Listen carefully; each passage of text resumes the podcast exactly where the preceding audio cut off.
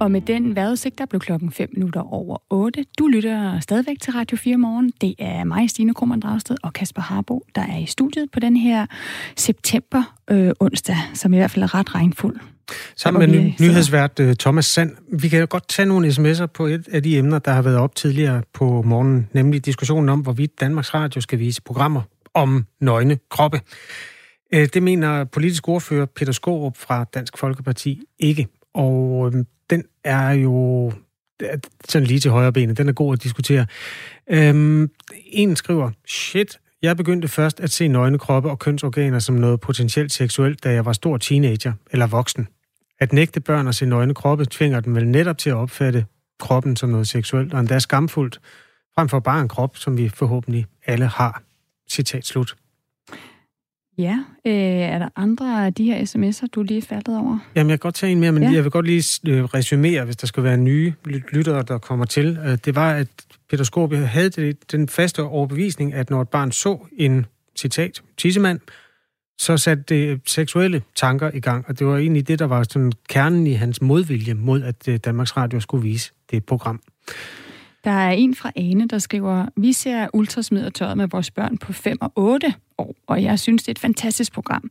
Hos os så giver det anledning til rigtig mange gode snakke om kroppen. En anden skriver, Peter Skorp negligerer jo børns seksualitet. De har allerede lavet lægeleje i børnehaven. Jeg tænker, Lola Jensen vil have en klog betragtning i denne forbindelse. Det er jo ikke nogen ny debat. Ja, citat slut, det var sms'en. Det er jo ikke nogen ny debat, og den har man ytret sig om. Lola Jensen har været på banen. Det er der mange andre, der også har. Hvis der er nogen, der er enige med Peter Skåb, så hører vi bestemt også gerne fra jer. I øjeblikket er der en vis overvægt imod mennesker, der synes, at det kan børn godt holde til. Men øh, alle synspunkter er selvfølgelig velkommen. Start din besked med R4 og et mellemrum, og så sender du den til 1424. Klokken den er 7 minutter over 8. Og vi kan fortælle, at testcentrene i hovedstadsområdet og i Odense nu oplever lange ventetider. Det er selvfølgelig øh, coronatestcentrene. Det er Ritzau, der oplyser, at man flere steder først kan få tid i løbet af weekenden. Og det er selvom, at det er regeringsmål, at øh, 80 procent skal kunne booke en tid til test inden for 24 timer. Øhm, Stefanie Lose er formand for Danske Regioner og regionsformand øh, i Region Syddanmark, og hende har vi med nu. Godmorgen. Godmorgen. Hvor, hvor ligger jeres øh, ansvar, Stefanie Lose, for at øh, folk rent faktisk kan blive testet inden for en rimelig tid? Jamen det har vi da et ansvar for, fordi vi er en del af det samlede testsetup i Danmark, en ret væsentlig del af det, og derfor knokler vi også hele tiden for at følge med efterspørgselen. Faktisk så er det sådan, at, at kigger man i sidste uge, så i det, vi kalder samfundssporet, altså de hvide telte, hvor Jyllandsposten refererer til ventetider, der testede vi omkring 20.000 om dagen, og øh, allerede i går var vi faktisk op at teste 25.000 om dagen, så vi øger løbende kapaciteten. Men vi kan også se, at efterspørgselen vokser øh, markant, især i de områder, hvor der er de her øh, omtaler af smitteudbrud, og derfor så er det nogle gange en udfordring at følge med den efterspørgsel, der er. Ja, ifølge Ritzau, så kan man i, i Odense først få tid fredag som gående og lørdag, hvis, hvis man er i bil. Altså lige nu har vi jo øh, stigende smittetal netop i Odense øh, og i, i København og, og omegn. Øh, folk i 18 kommuner har fået alle mulige ekstra øh, restriktioner, de skal leve efter de næste 14 dage. Er det godt nok, at de så må vente så lang tid? Jamen, som sagt, så øger vi hele tiden på, øh, eller arbejder vi hele tiden på at øge kapaciteten, og faktisk lægger vi fra i dag allerede 66 procent flere tider ud i Odense, øh, sådan at vi går fra 900 daglige tider i teltet til 1500 daglige tider, så det er en ret markant forøgelse øh, faktisk fra den ene dag til den anden. Samtidig så vil jeg også sige, at er man i de her områder, hvor der er udbrud af smitte, så er det også en god idé at holde sig orienteret om, hvor vores mobile enheder er. I Odense har vi over den sidste, over den sidste uges tid testet flere per dag i vores mobile enheder, end vi gør i vores telte, simpelthen ved at flytte dem hen de steder, hvor smittekæderne er. Vi har systematisk holdt ved kollegier og ved ungdomsuddannelser, fordi det er smittekæder blandt unge, der er i spil. I går øh, var vi øh, ved flere indkøbscentrene i Odense også for at fange borgerne der. Så udover at vi tester de her 900 i teltet, som vi nu fra i dag øger til øh, til 16 eller 1500 daglige tider, så tester vi faktisk næsten lige så mange i vores mobile enheder. Så vi prøver at sørge for, at der er en nem tilgængelighed til test i de områder, hvor der også er den største efterspørgsel. Hmm. Da, da der var stigende smitte i region, region Midtjylland i, i august måned, så sendte andre regioner jo hjælp øh, netop til øh, regionen for, for at øge testkapaciteten. Er det noget, I kan gøre igen? Ja, vi har muligheden for at trække på hjælp fra de regioner, der er mindre hårdt ramt, end øh, vi er.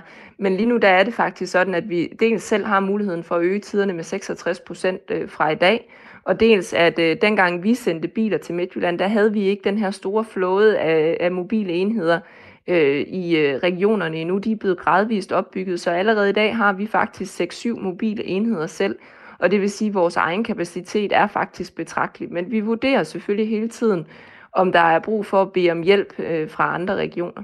Så Stefanie Lose, er det, jeg hører dig sige, er, at øh, I faktisk nu kan booste jeres testkapacitet godt nok til, at der meget hurtigt ikke vil være de her ventetider, som vi hører om lige nu? Altså det er jo rigtig svært at forudsige ventetiderne, for så skal man ud over at kende udbuddet også kende efterspørgselen, og derfor så vil jeg være meget ked af at sige meget håndfast, at der ikke vil være ventetider, for jeg kender jo ikke i virkeligheden den efterspørgsel, der er. Men det jeg kan sige, det er, at vi øh, lige for nuværende kommer til at teste faktisk, jeg tror, omkring 3.000 mennesker dagligt i Odense. Så det er en, en betragtelig testkapacitet i Odense, og det er også en kraftig stigning fra en situation, hvor man måske kun har 900 øh, i et telt, til nu at have rigtig mange både i mobile enheder og flere i teltet. Så vi arbejder i hvert fald på det og vil løbende vurdere, om der er mulighed for og behov for at øge yderligere. Mm, betyder det, at altså, øh, I, I har jo også vidst, at der kom sådan en her øh, udmelding fra sundhedsmyndighederne om, at øh, fordi smittetallene gik op, så skulle der være ekstra restriktioner. Der er problemer i Odense, i København og, og omegn. Har I ikke prøvet at sidde og regne på, hvad I troede efterspørgselen ville blive, så I netop kunne booste jeres øh, altså, testkapacitet, så folk ikke skal vente så længe? Vi har som sagt boostet testkapaciteten, øh, men, men det er rigtig svært at sige, hvad præcis efterspørgselen den er. Øh, vi forsøger løbende at øge, og samlet set på tværs af landet har vi som sagt øget med 5.000 test bare fra øh, sidste uge til her i mandag, som er de seneste testtal, øh, jeg har set. Det er en, en, en evig proces, og jeg vil gerne sige, at vi har jo ikke noget, nogen ambition om, eller noget som helst ønske om, at der er nogen, der skal vente mere end overhovedet højst nødvendigt. Vi øh, tager løbende ind i vores sundhedsspor, hvis man har symptomer øh, fra dag til dag, sådan så man kan blive testet hurtigst muligt, og vi arbejder hele tiden på at øge kapaciteten. Og der, hvor ventetiderne ender med at blive meget lange, der er det jo ikke godt nok, og det er også derfor, det her det er noget, vi prøver hele tiden at reagere på løbende. Men du kan ikke love, at I i, i løbet af, af i dag øh, kan få ventetiden ned. Sådan så, altså lige nu der er det altså, man kan få tid i løbet af weekenden øh, i Odense oplyse Ritzau. Du kan ikke love, at øh, den ventetid ja, den kommer ned. Der, hvor jeg siger, at hvis man regner frem til weekenden, så vil der være 600 øh, flere tests om dagen, både onsdag, torsdag, fredag, lørdag osv.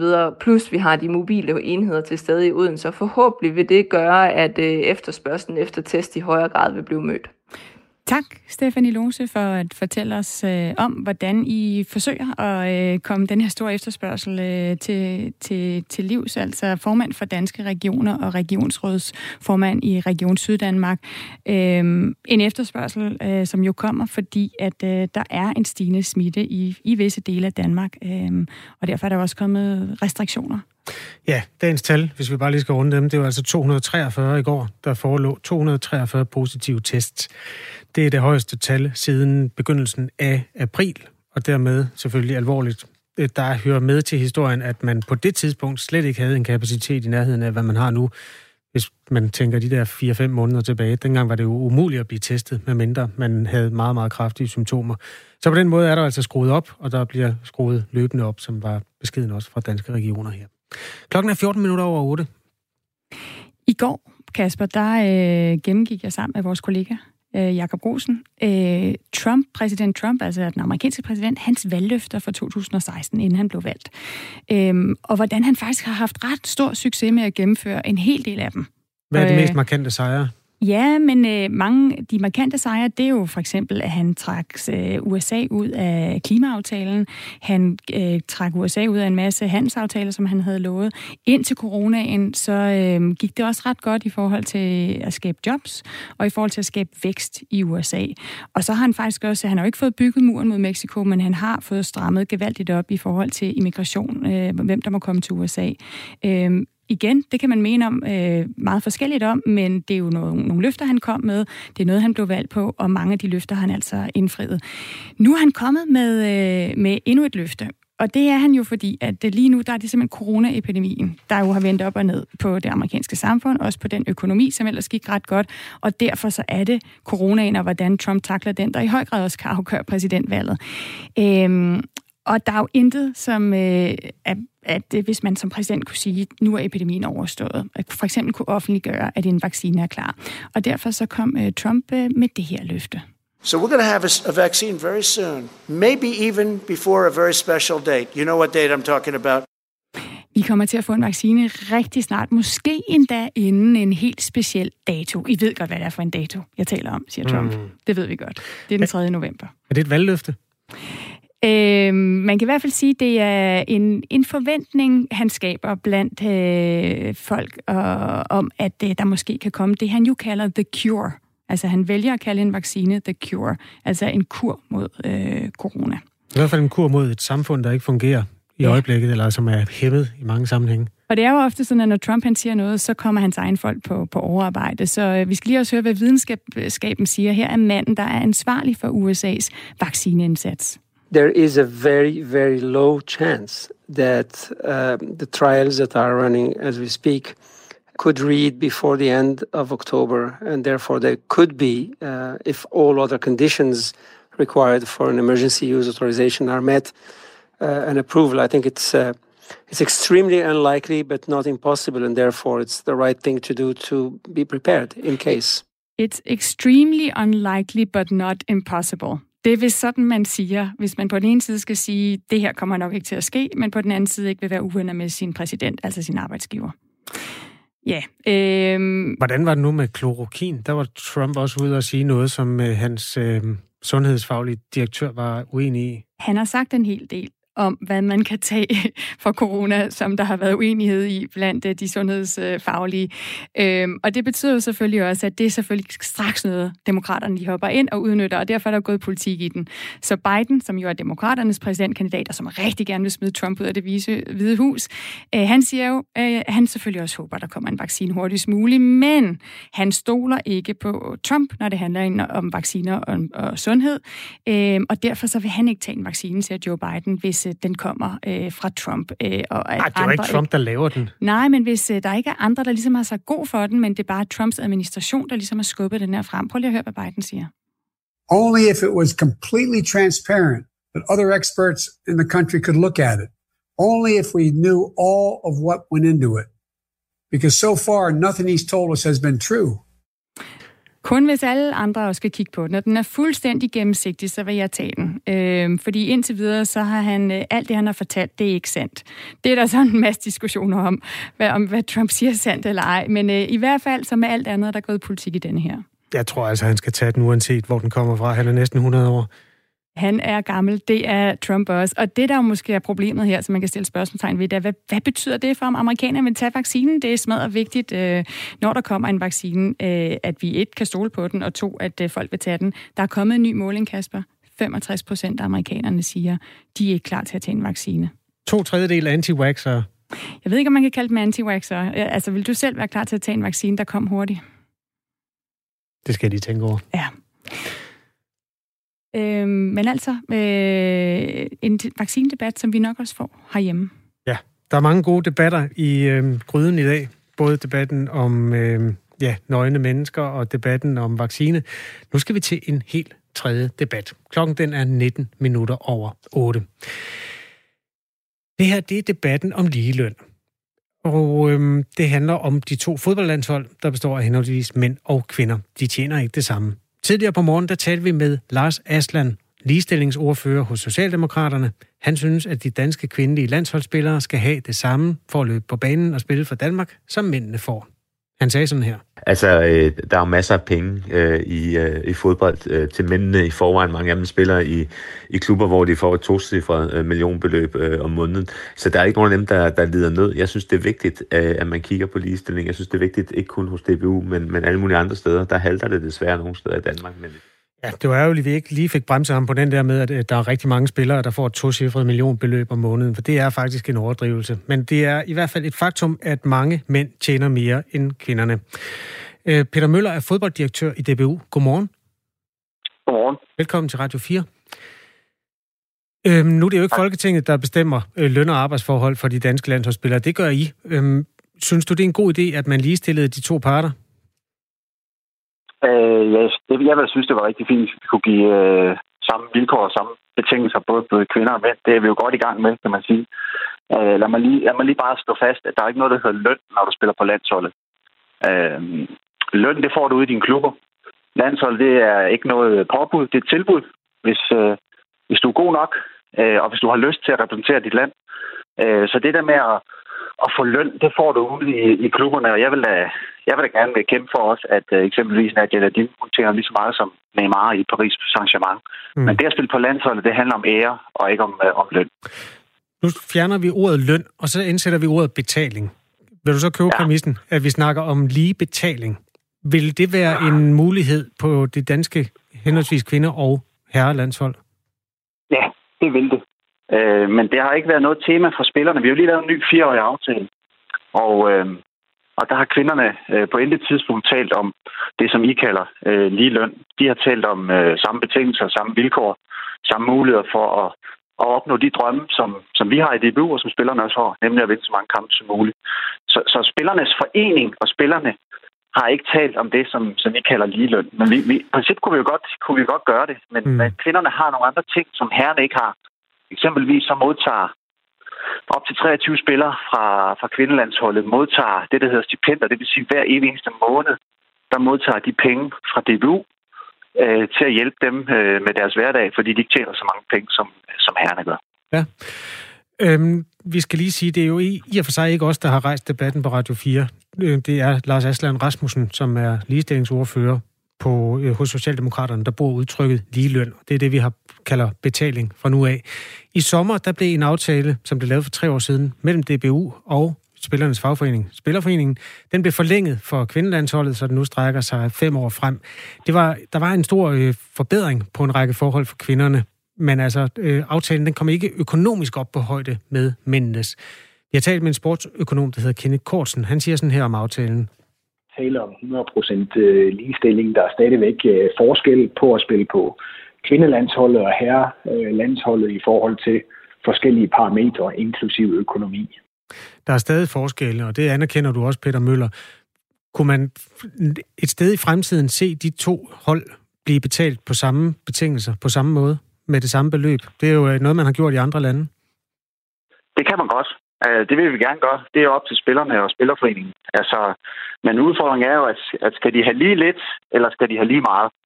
I, I Norge der er de gået ned i løn for at kvinder, altså mændene er gået ned i løn for, at kvinderne kan få lidt mere. Hvis nu mændene er med på den, er du så med på, at man ændrer det i morgen? Ja, ja men, men det, det, jeg har lidt med, når folk siger, men prøv at høre, det gør de i Norge, eller det her gør de i Brasilien. Der føler jeg sådan lidt med, med al respekt, at, at dem, der, der fører pinden i artiklerne, eller, eller har ordet, eksperterne, ikke, ikke øh, taler, som de har forstand hvis jeg skal være helt ærlig. Altså, Hvorfor? Øh, du kan ikke samle, fordi du kan ikke sammenligne den norske aftale med den danske. Eksempelvis i Danmark, der får både kvinderne og herrene tilskuerpenge, det vil sige, hvor mange tilskuere der er, får de penge for det.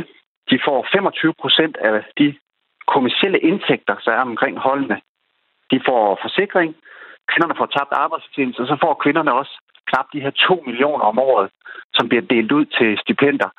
Og mig bekendt, så er hverken Brasilien eller Norge bundet op på de her vilkår. Det vil sige, at vi giver kvinderne en sikkerhed, som nogle af de andre øh, aftaler, eksempelvis Brasilien, formentlig ikke, øh, formentlig ikke har. Er, er det nogle ting, som I ikke giver mændene? Øh, mændene får ikke stipender. Det vil sige, at vi udbetaler ikke øh, ekstra antal tusind kroner hver måned for mm. for, for, øh, for at gå derhjemme, kan man altså i deres klubber. Det, man også skal sige, det er, for eksempel, når vi lige spillede, spillede mod Belgien inde i parken, hvor vi desværre tabte, Der var ikke nogen tilskuere, det vil sige, at herrerne får ikke nogen tilskuerpenge. Og de tabte kampen, og så får de heller ikke nogen penge der. Kvinderne, når vi skal samles næste gang, jamen der får de et starthonorar, mm. plus de faktisk også får for at spille uafgjort. Men det er fordi kvinderne har valgt, at de tjener ikke så meget ude i klubberne, og så vil de gerne være sikre på at få noget, når de kommer på landsholdet. Så de får både den her bonus, plus de faktisk får nogle penge udbetalt hver måned i stipender. Øh, og det er jo nogle ting, som eksempelvis herrerne ikke gør, når det drejer sig om stipender. Nu nævnte du selv øh, betalingen per tilskuer, og den er jo pt. ikke særlig god, fordi der ikke er nogen. Men øh, den aftale er skruet sådan sammen, at den kvindelige øh, landsholdsspiller får det 50 øre cirka per, betalt, øh, per tilskuer, per betalende tilskuer på stadion. Mændene får en krone og 12 øre. Hvorfor er der den forskel? Jamen, det er jo så, fordi kvinderne har valgt, at de gerne vil have stipendier også og nogle andre ting, som herrerne ikke har. Øh, det, det kunne vi da godt have sat op. Øh, og man skal bare huske på, at alle de, alle de ting her, så går pengene jo bare for noget andet. Altså, vi har jo ikke sådan en, en guldkasse, vi bare kan åbne op. Øh, og vi vil jo gerne have, at der kommer endnu flere tilskuere til, til kampen i Viborg, hvor kvindelandshold normalt spiller. Uh, vi har 37.000, når herrerne spiller. Uh, vi har en, en 6.000, når kvinderne spiller. Mm. Så vi gør alt, hvad vi kan for at skabe mere fokus på det. Uh, og, og der vil vi også gerne have medierne med. Uh, nu har jeg inde se Radio 4's uh, podcast 4 på foden, ja. som har lavet 23 programmer i år. Uh, der er et program, der har kvindefodbold med. Øhm, så øhm, jeg vil da godt give Depechen videre også og sige, at hvis medierne også øh, bakker op omkring kvindelandsholdet og har mere fokus på det, så kunne det være, at vi kunne få flere tilskuere, større interesse, og vi kunne få, øh, få større partnerskaber, så, så kvindefodbolden, dansk fodbold, de små piger ude, de små foreninger også kunne, kunne få bedre kår. Jamen nu øh, ved jeg ikke, om du fik talt Radio 4 morgen med, men det har fyldt en del, øh, for eksempel i dag. Øhm, det vil betyde mere for en kvindelig... Altså, nej, ved du hvad, vi tager lige en, en udregning her, fordi øhm, en mandlig landsholdsspiller får 12.500 for en sejr. En kvinde får 2.500. Øhm, og det gør hun så også, hvis hun taber. Øhm, vi har som sagt talt med sportsøkonom Kenneth Kortsen, og han kommer med den her vurdering af, hvad de 12.500 betyder for en mandlig fodboldspiller. Det betyder jo ikke ret meget for de her spillere, som tjener rigtig mange penge ude i europæiske store klubber. Så siger han, til gengæld for en kvindelig landsholdsspiller vil 12.500 gøre en anden forskel. For en kvindelig fodboldspiller betyder det beløb selvfølgelig meget mere end for en, en mandlig fodboldspiller. Også fordi der er et spørgsmål om her at forbinde erkendelse. Nu skal vi gøre noget med en ny virkelighed. Nu gør vi noget. Peter Møller, jeg ved godt, du ikke kan trylle, men du er også selv gammel fagforeningsmand i fodboldens verden. Hvordan har du det med, at der er så stor forskel på de to øh, mænd og kvinder? Lad mig lige så fast. Hvor meget sagde du, kvinderne fik for at vinde en, øh, en fodboldkamp? Øhm, jeg, jeg læste tallet 2.500 op. Det er de facto forkert. Øh, der, er en, der er både en udtalelsesbonus og en sejrsbonus, øh, så det, det, det er de facto forkert. Øh, så giv mig lige det øh, rigtige det, tal, undskyld. Og bare? Vil du ikke lige give mig det rigtige tal, så jeg er ked af, at jeg lavede den fejl. Hvad er det rigtige tal, hvis det ikke er 2.500?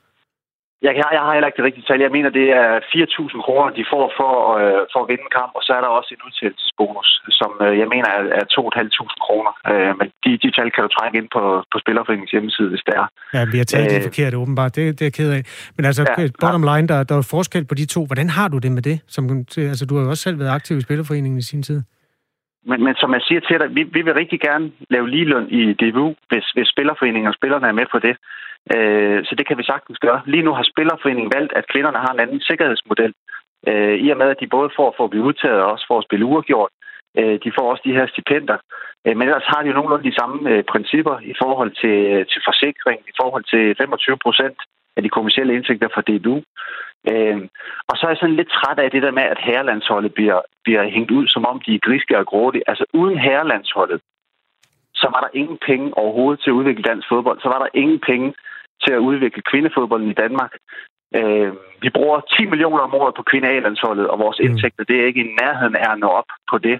Så lige nu så er det et stort hul i jorden. Men vi håber selvfølgelig med den indsats, som vi gør, øh, kvindeligaen har vi sat mere fokus på at putte penge i, og vi putter masser af penge i kvindelandsholdet, knap 10 millioner. Og så håber vi på, at vi kan komme med til nogle slutrunder, vi kan vinde nogle kampe, så vi kan inspirere nogle unge piger til at begynde at spille fodbold, så vi kan få den, den vej få sat fokus på.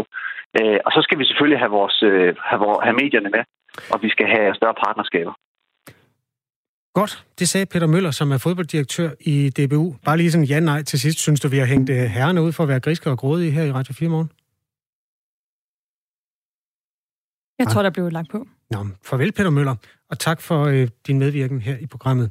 Husk, at du kan skrive sms til øh, Radio 4. Du starter med R4 og et mellemrum, og så øh, sender du den til 1424. Jeg tror, han troede, du havde sagt farvel til ham. Ja, det havde vi også. Ja, det var vist ikke for at være uhøflig og ikke svare på spørgsmål. Men øh, ja, skriv ind til os. Øh, det er der mange, der gør, men øh, ja, lige nu der handler det altså stadigvæk øh, mest om tissemænd. Det var noget, vi talte om i en helt anden sammenhæng. Undskyld. Dumille. ja. Øh, vi... Øh, Ja, nu skal jeg lige finde ud af, hvad vi skal videre til her. Ved du hvad, det skal jeg fortælle dig. Vi skal videre til Thomas Sand, fordi der, klokken det, den er, slår halv ni, og nu er der nyheder.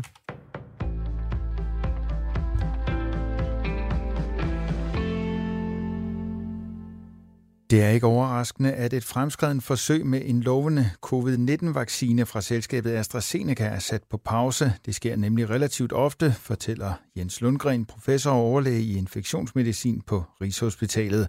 Det er bekymrende og ærgerligt, og jeg vil gerne have været det foruden, men at det skete, vil jeg næsten have forventet. Jeg forventer også flere pauser, også i andre forsøg, siger han. AstraZenecas vaccineforsøg er i den afsluttende fase 3. Her er der dog opdaget et uforklarligt symptom hos en forsøgsperson i Storbritannien. Når der laves forsøg, deles forsøgspersonerne i to grupper. Den ene gruppe får midlet, mens den anden får placebo, altså et stof uden virkning. Selskabet ved dog ikke, hvilke personer, der får lægemidlet og hvem, der får placebo. Derfor er det ikke givet, at det er en reaktion fra forsøgsvaccinen, fortæller Jens Lundgren. Der er nogle andre, der har den viden, som man vil typisk gå til dem og vurdere, når situationen er kortlagt, om studiet bør fortsætte. Det er den proces, der er i gang nu. Det er ikke det samme som, at det stopper, lyder det fra professoren. Som en konsekvens af coronakrisen forventer flere af de største virksomheder i Danmark at skulle fyre medarbejdere de næste måneder. Det viser en undersøgelse, som konsulenthuset Rambøl har lavet i samarbejde med AS3. Undersøgelsen er lavet blandt 1000 af landets største virksomheder. I undersøgelsen svarer 40 procent af virksomhederne med over 500 ansatte, at de forventer at skulle reducere antallet af danske medarbejdere i løbet af andet halvår 2020. Svaret bliver vurderet til at være relativt alvorligt af Finn Lund Andersen, der er direktør hos konsulenthuset AS3. Man må sige, at, at den krise, vi har set på arbejdsmarkedet i øh, første halvår på grund af corona, den øh, fortsætter også i anden halvår, når de, og det er de allerstørste danske virksomheder, øh, siger, at øh, de forventer at reducere antallet også i øh, det kommende halvår. I første halvår var coronakrisen stærkt medvirkende til, at antallet af personer, som meldte sig ledige, steg med ca. 50.000 fra 9. marts til 30. juni. Den stigende ledighed hang blandt andet sammen med afskedigelser blandt de største virksomheder i Danmark. Den tendens ser altså ud til at fortsætte. Ifølge undersøgelsen er det først og fremmest timelønnede medarbejdere, som de store virksomheder regner med at skulle sige farvel til. 44 procent af de største virksomheder med over 500 ansatte forventer således at reducere antallet af timelønnede i anden halvdel af 2020. Flere brænde er i nat brudt ud i Moria-flygtningelejren på den græske ø Lesbos, det rapporterer lokale medier. De fleste er blevet evakueret, og størstedelen af lejren står i flammer, melder den statslige tv-kanal ERT. Stærke vinde med hastigheder på op til 60 km i timen har været med til at få ilden til at brede sig, Nødhjælpsorganisationer og frivillige siger, at nogle af lejrens, lejrens beboers flugtveje er blevet afskåret af røg og flammer. Brandårsagen kendes endnu ikke. Nogle flygtninge mener, at brændene kan være blevet påsat af beboere på øen. Andre rapporterer, at migranter selv har startet brændene og herefter forhindret brandvæsenet i at gøre sit arbejde. Endnu er intet bekræftet, og du kan høre mere om situationen på Lesbos efter en kort vejrudsigt. Det bliver blæsende og skydevejr, og efterhånden kommer der lidt regn, først i de vestlige egne og i eftermiddag i de østlige egne. I løbet af dagen klarer det lidt op fra nordvest, temperaturer mellem 15 og 20 grader, og vinden bliver jævn til hård fra sydvest og vest ved kysterne, stedvis cooling. I aften endnu regn på Bornholm, ellers nogen sol og enkelte byer. I nat spredte byer og delvis klart vejr. Nattetemperaturer ned mellem 10 og 15 grader.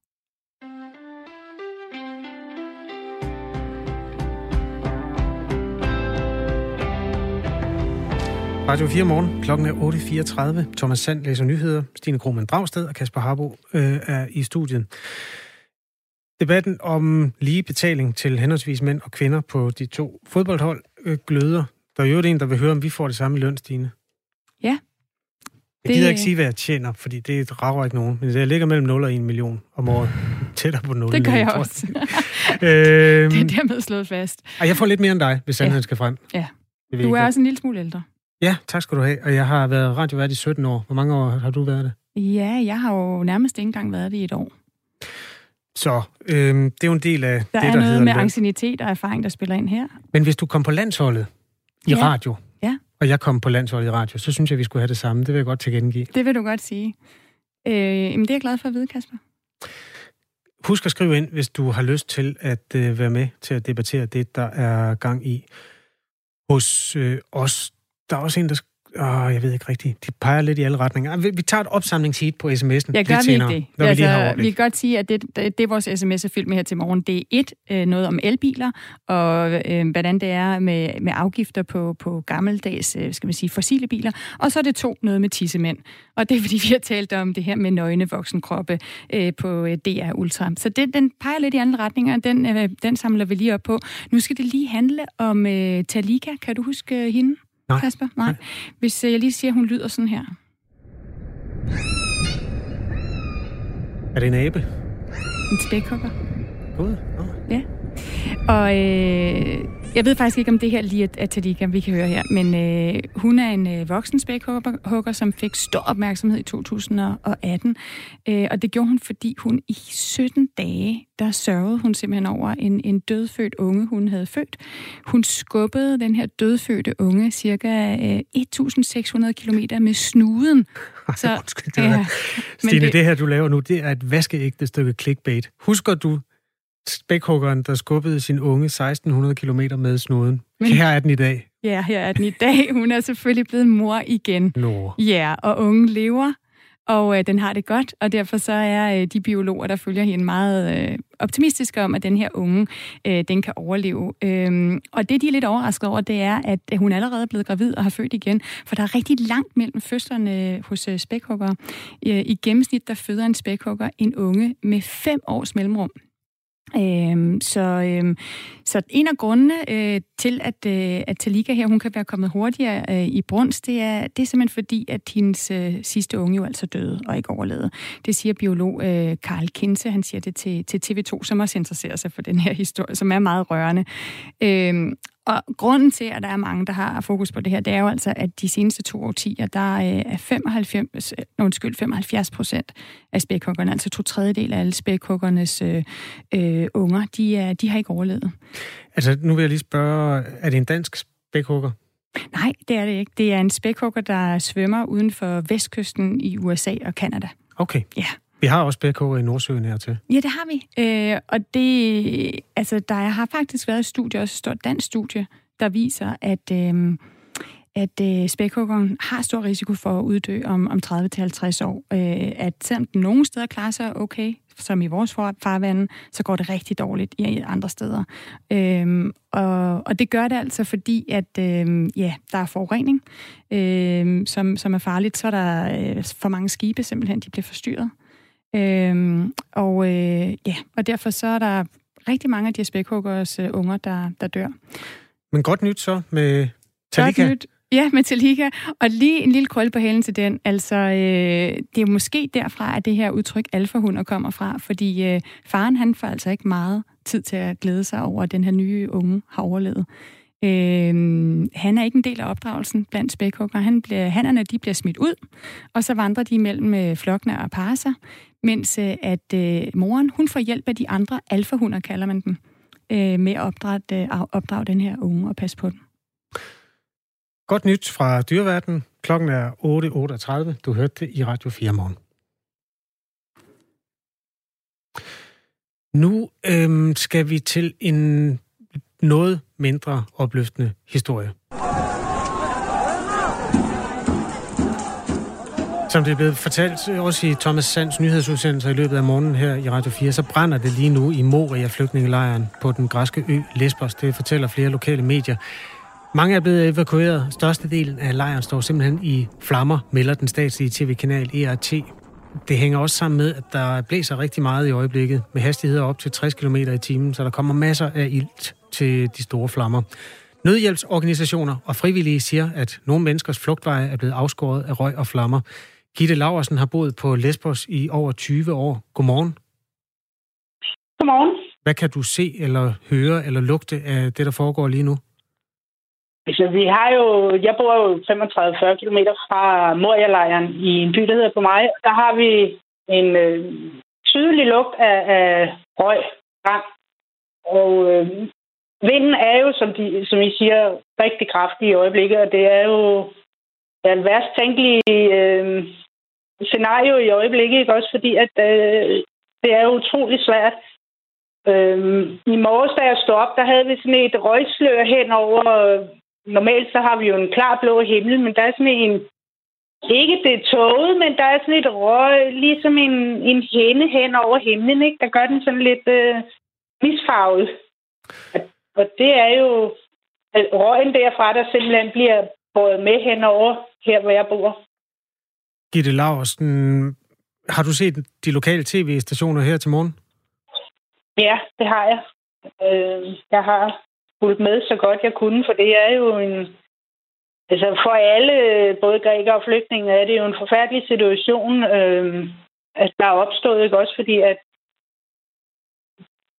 det vil komme til kampe, også fordi nu de her 13.000 flygtninge, det nu drejer sig om, mm de er jo ja, mere hjemløse, end de var i forvejen, og de begyndte at gå ned imod byen i centrum i Mytilini. Og øh, politiet har så afskåret deres øh, vej, og der, jeg har lige hørt, at der er kommet øh, forstærkning fra Athen, øh, politi, kampklædte politifolk, som skal hjælpe med at holde de her flygtninge væk fra centrum. Fordi det, det hele drejer sig om, det er, at der er 35, øh, øh, der er positive for covid. Mm. Og øh, deres øh, omgangskreds, som var i karantæne, og det siges, det ved jeg jo, det er rygter, at det er det, der er starten på hele denne her opstandelse med bål og optagning. Altså... Og så har de jo så forhindret øh, øh, brandvæsenet i at komme ind og slukke brændene ved at kaste sten på dem, og, og de har så hvem har det? Ødelagt. Undskyld, hvem har kastet sten på det brandvæsenet? Flygtningene. Det er flygtningene, der, der kaster sten på brandvæsenet, for at de ikke kommer ind i lejren og, og kan slukke de her brænde. Vi er nødt til lige at riste det her op, for det er en fuldstændig vanvittig situation. Altså, der bor øh, ifølge den seneste opgørelse omkring 12.600 mennesker i og omkring Moria-lejren. Den officielle kapacitet er kun på en femtedel, så det er altså en overfyldt lejr med flygtningen. Meget. Øhm, ja, meget. Og nogen mener, at brændene kan være påsat af beboere på øen. Andre ja. rapporterer, ja. at folk i flygtningelejren selv har startet brændene, øhm, og der er ikke noget ja. af det, der er bekræftet endnu.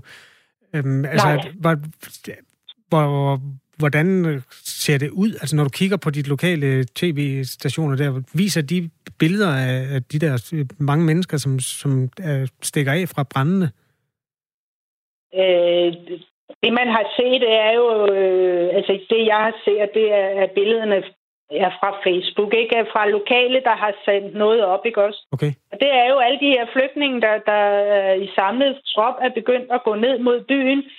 Øh, nogen siger, de har set øh, flygtningene med øh, lighter simpelthen antænde, hvor de kunne komme til at antænde, ikke? Og det er jo teltet, så det tænder jo ustyrligt nemt alting. Og det er jo så tørt hernede. Vi har ikke regnet i, eller der har jo ikke regnet i, ja, i hvert fald seks måneder snart, ikke også? Så alt er jo så tørt, så tørt. Det, og det skal vi lige øh. huske at sige, det er jo altså ikke bekræftet nogen steder fra, men er det mennesker, altså er det nogen inde i flygtningelejren? Det lammer. Er det nogen inde i flygtningelejren, der siger, at de har hørt, eller de har set andre tænde ild i teltet? Nej, det er det ikke. Det, er, det tror jeg ikke. Øh... Okay. Det, har der, det har jeg ikke læst og hørt noget om, hvem der siger hvad. Altså, det, der er jo lidt en kamp, desværre også, mellem øh, de grækere, der bor rundt om, øh, altså i selve landsbyen, der hedder Moria, og den her flygtningelejr. Øh, vi er jo påbudt at skal have mundbind på, for eksempel. Ikke? Og, og bare det, du går ud for din matrikel. Flygtningene, de går konsekvent ikke med mundbind og har ikke accepteret det. Og, og, og der er jo så kommet den her corona. Og, Men tror du, de har, har, har de mundbind? Det er jo mennesker, der ikke har sådan alverden. Øh, det siges, at de, de får dem. Jeg kan ikke sige det. Øh, der fyrer altså påstanden rundt i øjeblikket på øh, Lesbos, hvor branden er fuldstændig ude af, ude af kontrol, og det er situationen som helhed også. Gitte Laursen, pas ja. godt på dig selv, og tak fordi du var med i Radio 4 morgen. Jamen, det var så lidt, og jeg skal nok passe på. Det, det er mere de andre, jeg er langt væk, jo. det er selvfølgelig rigtigt, men 35 kilometer fra øh, Moria, flygtningelejren og, og byen af samme navn altså. Øhm, det kan være optakten til en kæmpe katastrofe, det her, for at sige det som det er, fordi øhm, hvis ikke det var slemt nok at have 12.000 mennesker interneret på så lidt plads, så bliver det det i hvert fald, når der går ild i teltene. Og der... så har du corona oveni. Ja. Altså, det er simpelthen bare brand, corona. Kampklædt politi, øhm, kampklædt øh, civil, sådan mil- militsagtig øh, tilstand nogle steder, så, så stor er modstanden jo også mod øhm, flygtningelejrene. Det er helt sindssygt, det der sker i øjeblikket. Vi følger sagen her i Radio 4 morgen, og ja, håber det bedste. Kvart i ni er klokken. Ja, øhm, nu skal jeg lige finde ud af, om vi... Øh, jamen, jeg tror faktisk, at vi skal tale om, om ingenting, Kasper. Prøv lige at... Det kan vi også. Ja, prøv lige at tige helt stille.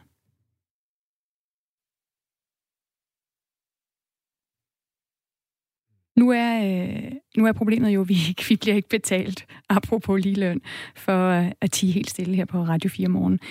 Men, øh, men det kunne vi faktisk. Det kunne vi få betaling for.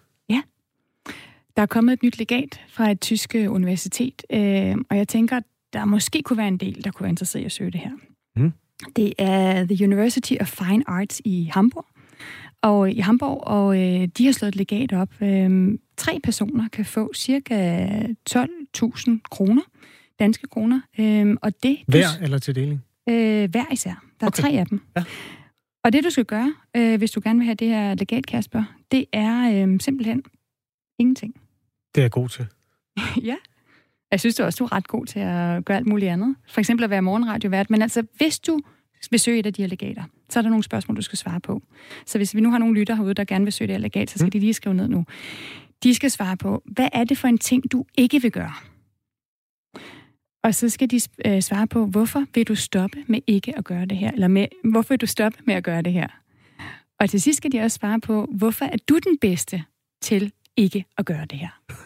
det er super kompliceret. Hvem er afsender på alle de penge der, og hvem er det, der gerne vil have ingenting? Jamen, det er det her øh, kunstuniversitet i Hamburg, øh, og det er en professor, som, øh, som mener, altså professor, han hedder, nu skal jeg se her, Friedrich von Boris, øh, som øh, mener, det er godt for os mennesker at flytte fokus på alt det, vi skal nå og opnå, øh, og karriere og succes, og, øh, og så skal vi have det mere over på øh, ikke at gøre så meget. Og det synes han faktisk er en af de få gode ting, der kommer ud af coronaen det her med, at øh, man faktisk kan finde ud af at gøre ingenting. Ja, det han det, støtte. Okay, jamen ja. fremragende. Og man kan få 12.000 øh, udbetalt i i Tyske kroner. Penge. Nej, jeg har, om, jeg, har, øh, jeg har omregnet det til kroner. Godt. Så det er jo ikke, altså man kan sige, det er jo ikke måske så lang tid, at uh, man kan leve for at gøre ingenting. Men det, men det er trods alt noget. Øhm, faktisk så det eksempel, han kommer med på at gøre ingenting, det er netop øh, en radiovært. Hvis en radiovært for eksempel vil stille sig op i et radioprogram og sige ingenting, så kunne de overveje at give et legat. Jamen, øh, altså, jeg er ikke den rigtige til at gøre det der. Jeg snakker fra morgen til aften. Det er sådan noget, Michael Bertelsen godt kunne finde på, at lave et program, hvor han ikke siger noget. Det vil øh, klæde ham rigtig, rigtig godt. Øh, hvis du er, føler dig fanget af den øh, jobbeskrivelse, og synes, du er god til ikke at lave noget, så skulle du ringe til universitet. Nej, hvad var det? Kunstakademiet i Hamburg? Ja, øh, det er... Har du kunst... nummeret? Øh, det Plus har jeg 49. faktisk ikke, det står jeg lige op, ja. Men det hedder The University of Fine Arts, og det ligger i Hamburg. Det er sikkert deres engelske navn. Der er sikkert også et, et tysk navn. Det prøver vi lige at finde. 8.48 er klokken. Øhm, hvor, vi, det, hvor det skal handle om ja, det vi godt kan kalde det seneste skud på, på stammen i sagerne om, om Danske Bank. Øhm, det handler om, at banken i hundredvis af tilfælde har taget øh, udgangspunkt i, i forkerte oplysninger, når banken gik i retten med for eksempel fodsager, konkurssager og sager om gældsanering. Det fremgår af Danske Banks egne oversigter og notater fra advokatfirmaet Plesner og revisionsfirmaet Ernest Young om øh, den her aktuelle gældsag. Og det er Berlingske, der skriver det til morgen, og nu har vi Lars Nørgaard Pedersen med. Ja, undersøgende, godmorgen. godmorgen. Undersøgende journalist øh, hos Berlingske. Hvad er det problematiske, Lars Nørgaard Pedersen, i uh, den her nye udvikling i sagen om, om Danske Bank? Ja, man kan sige, at, øh, at de nye oplysninger her tager ligesom hele sagsforløbet om, øh, om Danske Banks øh, fejlregistreringer eller forkerte, urigtige opkrævninger fra, fra deres bankkunder til et nyt niveau, fordi den, den viser, at ikke bare her øh, urigtige oplysninger smittet af på bankkunderne i forhold til, om de øh, er blevet opkrævet det rigtige beløb. De er simpelthen også indgået i stor stil, de her oplysninger, i mange af de sager, som Danske Bank løbende går i retten med. Øh, og det skyldes, at øh, banker jo løbende har sådan nogle sager, hvor de, øh, hvor de over for nogle, nogle af deres øh, gældsramte kunder for eksempel er i retten om, det kan være dødsboer, eller det kan være konkurser, eller det kan være fodsager, hvor man ligesom vil, vil tvinge folk til at, at betale det, de skylder, eller det kan være, også være sager om gældssanering. Så man er løbende i retten øh, som bank og der har, har de her så forkerte oplysninger indgået. Og det er jo klart, at det øh, stiller sagen i en helt, ny, helt nyt lys. For hvad så nu, hvor, øh, hvor øh, der måske er truffet, eller formentlig er truffet afgørelser ved landets domstole, som bygger på, øh, på forkerte oplysninger. Der er sådan noget helt grundprincipielt over, over vores retssamfund, at, at det vil vi selvfølgelig ikke tolerere på nogen måde. Mm. Øh, Frederik Våge er, er juraprofessor, og han siger øh, til Berlingske, at citat, her taler vi åbenbart om mange hundrede retssager, hvor domstolen har fået fejlagtige oplysninger, og ud fra det kan have afsagt øh, forkerte domme. Det er naturligvis fuldstændig uholdbart. Det giver sig selv, af en bank, øh, der ikke har styr på grundlæggende oplysninger, som har brugt de forkerte gældsoplysninger i retssager, har et meget alvorligt problem. Øhm, Lars Nørgaard Pedersen, som altså undersøgende journalist øh, hos, hos Berlingske, ved vi, om, om det reelt har haft indflydelse på retssagerne, altså de her forkerte oplysninger? Nej, man kan ikke se. Altså, vi, vi øh, refererer også til i uh, artiklen i dag til en lang række dokumenter, som påpeger, at det er sket. Uh, vi får en indikation på, uh, på omfanget Øh, men vi kan, vi kan slet ikke øh, kortlægge det totale antal, og det tror jeg jo heller ikke banken selv kan. Øh, og det vi ikke ved, skal vi så skynde os at flage, det er om, om de forkerte oplysninger har været så udslagsgivende, at det ville have ført til en anden afgørelse. Altså, det er jo det, nogle af, af de her juraeksperter, vi har, vi har talt med i dag, og folk, der har forstand på, på fodsager og, og, og, og især sådan nogle retsprocesser, påpeger, at det, det kan sagtens tænkes, at lige præcis de for, men det kommer an på, hvor meget beløbene har været forkert. Mm. Øh, men men altså, det, det er muligt, men, men vi ved ikke, om det er sket, og i, i så fald i hvilket omfang. Og nu, når du lige selv flager det her med, at vi jo ikke ved, om det har haft indflydelse på retssagerne, så skal vi også lige sige, at vi her på Radio 4 Morgen har forsøgt at få en kommentar fra Danske Bank her til morgen, men øh, de har ikke ønsket at, at medvirke. Men øh, at de i et skriftligt svar til TV2 øh, erkender, øh, at der er blevet afsagt domme på baggrund af, af de forkerte oplysninger. Øhm, og, og altså det så ikke nødvendigvis betyder, at domsafsigelserne øh, er, er forkerte. Øh, Lars Nørgaard Pedersen, undersøgende journalist hos, hos Berlingske. Hvilke lys stiller de her oplysninger Danske Bank i, øh, sammenlignet med de... Altså det er jo ikke... Det er ligesom om de her sager ruller øh, øh ja, næsten dag på dag øh, om, om Danske Bank. Øh, hvad, hvad betyder de her nye oplysninger for Danske Bank? Altså i, i kroner og øre behøves det ikke at komme til at, at, at fylde voldsomt meget. Nu har, øh, har Berlingske også igennem snart 3-4 år dækket øh, den her såkaldte hvidvasksag, og der er det nogle helt, helt andre beløbsstørrelser, vi taler, både i forhold til øh, mængden af, af penge, der er kørt igennem banken, men også de potentielle bødeniveauer. Altså banken selv i den her gældsag har selv notater, øh, der påpeger, at at udgifterne ved at have haft de her forkerte oplysninger vil løbe op i, vi har set et tal for eksempel, der sidder, hedder på den gode side af, af 400 millioner, men det er altså virkelig et, et, et, et overslag og kan, kan gå rigtig meget både op og ned. Øh, men men det, er jo ikke, det er jo ikke voldsomt mange penge for en, øh, en bank, der kører med, med mange, mange, mange større gange øh, omsætninger om året. Men, men det der er, det er, at der er en kæmpe, det kan man også se af notaterne, det de selv vurderer i banken, der er en kæmpe omdømme risiko. Fordi det er selvfølgelig ikke særlig, det er ikke en særlig god historie for, oven i købet landets største bank, at man ikke kan finde ud af noget så fundamentalt som at opkræve de rigtige beløb fra, fra, fra, fra ens bankkunder, og jo slet ikke, at de her beløb så også er sendt videre til skattevæsenet, for eksempel, som vi afdækkede for nogle uger siden, eller, det, eller for nogle dage siden, og det, der kommer frem nu, at de ligefrem er, er kørt videre til landets domstole. Så det kan jo, altså sådan i forhold til goodwill og omdømme, der, der tror jeg, det kan, det, det kan godt blive et problem. Øh, Lars Nørgaard Pedersen, øh, der er en af vores lyttere, øh, Peter, der skriver ind. Øh, har I undersøgt, hvem der leverer de her oplysninger? Altså kommer, altså, op, ja, kommer oplysningerne, øh, er det alt sammen fra Danske Bank, at de her oplysninger kommer og bliver leveret i de her retssager? Altså det er, det er oprindeligt, de, de øh, beløb, der er, er problemer med, stammer egentlig oprindeligt fra, fra to IT-systemer og går endda også længere tid tilbage, men, men man indfører omkring øh, 2004 for Danske Banks vedkommende et, et IT-system, der hedder DCS, og så for Realkredit Danmark, altså bankens øh, øh realkreditinstitut, et øh, IT-system, der hedder PF. Øh, og det er de to systemer, der indeholder, da, da de åbner i 2004, indeholder de en frygtelig masse fejl helt fra starten, fordi det går galt, da man skal lægge de fysiske data, altså arkivdataerne, over i IT-systemet. Så der har simpelthen været fejl fra 2004 øh, og frem. Øh, men der har også været, at man kan se, at der er også nogle ting, der indikerer, at det kan gå helt tilbage til 90'erne, nogle af, af fejlene. Men det er sådan set der, fejlene stammer fra. Og det er jo så de samme, altså det er jo ikke en, en særskilt problematik med, med domstolene, øh, det er det, men, men det er jo de samme fejl, der er vandret videre til øh, domstolene, så det, så det er der, øh, tallene kommer fra. Så der er en fejl i nogle gamle øh, IT-systemer, som simpelthen nu øh, forplanter sig alle mulige steder hen og, og giver problemer, øh, både for Danske Bank, men selvfølgelig først og fremmest også øh, for de kunder, det kan være gået ud over.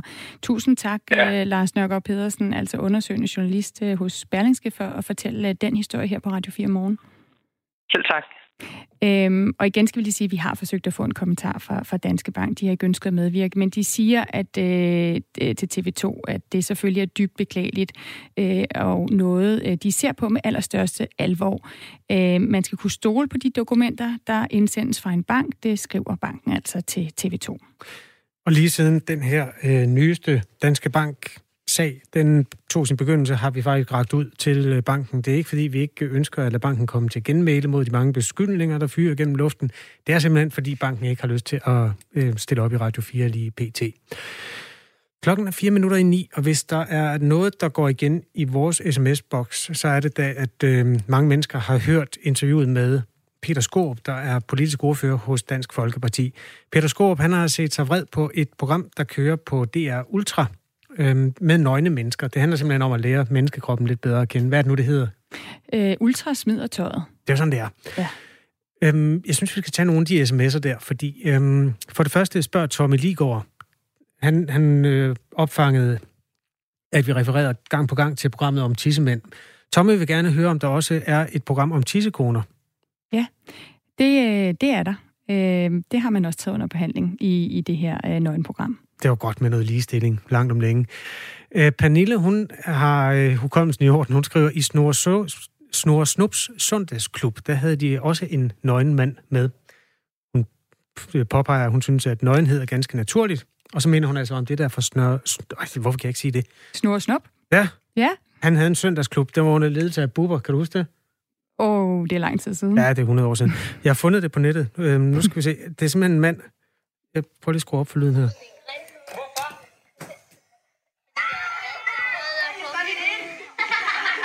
Der står en mand og klæder sig af for en buber. Han er slet regne nøgen. Hold kæft, det synes de er klamt. Alle børnene, de er jo klædt ud øh, som kinesere, og jeg ved ikke hvad. Det var en helt anden tid dengang. Alt kunne lade sig gøre. Men det kort og langt er en, en super tatoveret mand, står inde ved en meget ung buber og øh, smider tøjet foran en masse børn. Og øh, det var sådan set et første forsøg på at lære børn, hvordan nøgne mennesker ser ud. Eller måske ikke første forsøg, men det var i hvert fald også et forsøg på at gøre det på en pædagogisk måde. Der er en anden lytter, der skriver, jeg forstår simpelthen ikke, hvordan man kan sammenkæde en, en, en snak og syn på kroppen med sex. Dem, der laver den her sammenkobling mellem nøgne øh, voksne mennesker og sex og børn, har da seriøst et problem. Det er nøgne kroppe. Rolig nu. Jeg kan godt huske, hvordan jeg så på en tissemand, da jeg var lille, og jeg så på den som noget, man tissede med, og min mors bryster var til for, at min lillebror kunne få mad. Ja, det er ikke alle på vores sms, der er enige i det her. Altså, der er en, der skriver ind, at øh, har ikke set udsendelsen om tissemand, mm, men nej, nu skal vi se her. Børn fniser ikke, når de ser forskellige ører, næser, tær og ben med videre, men når de ser forskellige tissemænd, tænk lidt over det. Altså, altså pointen, et argument for, at øh, der er ja, noget... citat slut. Pointen her i den her er, at der er forskel på at vise andre dele af vores krop frem, og så vise kønsdele, specielt måske voksnes kønsdele. Jeg tror faktisk godt, man kan få børn til at fnise, hvis man viser dem nogle tæer, der er sådan rigtig skæve. Det tror jeg også. Men øh, altså, om det er noget seksuelt eller ej, det er der jo simpelthen også divergerende opfattelse af, og det har der været gennem hundredvis af år. Der er en lytter, der skriver, har I ikke øh, fulgt med i front, Freuds øh, teorier omkring børn og seksualitet? Det har jeg faktisk ikke lige. Nej. Ej, men det er noget med, at børn også er seksuelle væsener, sådan de fra det øjeblik, de bliver født. Jamen, det er de da sikkert også. Øhm, og vi ved jo også, at helt små børn også øh, rører ved sig selv osv., men om de forbinder det, som vi kalder sex, med det, de gør, det, det, det ved jeg ikke. Men det kan være, at vi skal have en seksolog ind på det her område på et tidspunkt. Det lyder som om, der er mange lyttere, der har mange spørgsmål, øh, man godt kunne få opklaret. Jeg har tusind spørgsmål. Jeg synes i virkeligheden også, øh, det er voldsomt spændende, om det er første gang, de børn ser en tissemand, eller om de allerede i alderen 7 til 9, var det ikke det, der var målgruppen, kender de steder på nettet, hvor man kan se dit og dat. Jeg tror i hvert fald, måske, ja, jeg tror ikke, de er helt så uspolerede, som vi, som vi går og tror. De har smartphones, de små æsner. Nej, altså lige det der, bare du siger uspoleret, det lyder lidt som om, at der er et problem med sin øjne kroppe. Nu er klokken blevet ni.